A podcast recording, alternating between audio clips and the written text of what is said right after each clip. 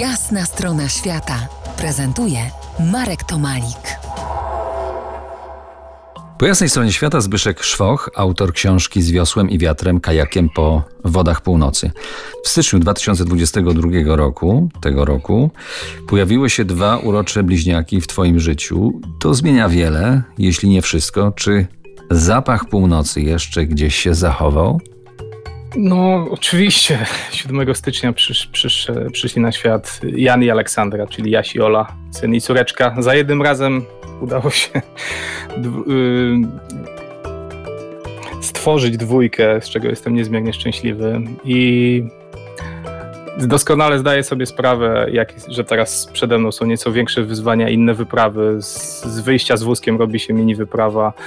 Ja też y, na pewno w imię swoich jakichś egoistycznych pobudek nie będę tutaj zostawiać Agnieszki z większymi wyzwaniami i celem spełniania swoich marzeń.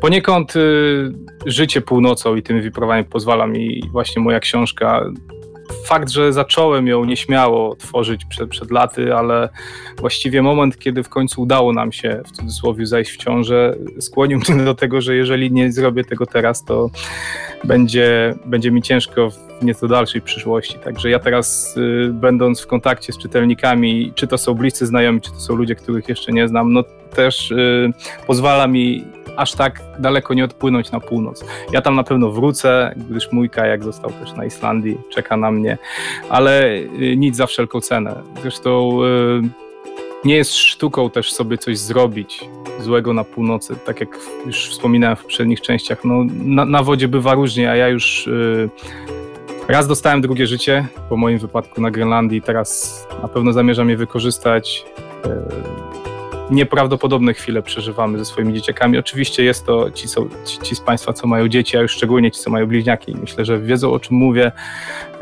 Także wszystko, na wszystko przychodzi swój czas. Teraz przede wszystkim muszę znaleźć czas na dzieciaki, bo tak naprawdę to, co w tej chwili najcenniejsze mogę im zaoferować, to mój czas. Pozwolisz, że na koniec naszej rozmowy zacytuję epilog Twojej książki. Książka nazywa się Z wiosłem i wiatrem, kajakiem po wodach północy którą słuchaczom mocno polecam. Epilog napisany jest w formie listu y, do dzieci i brzmi fragment tego epilogu tak.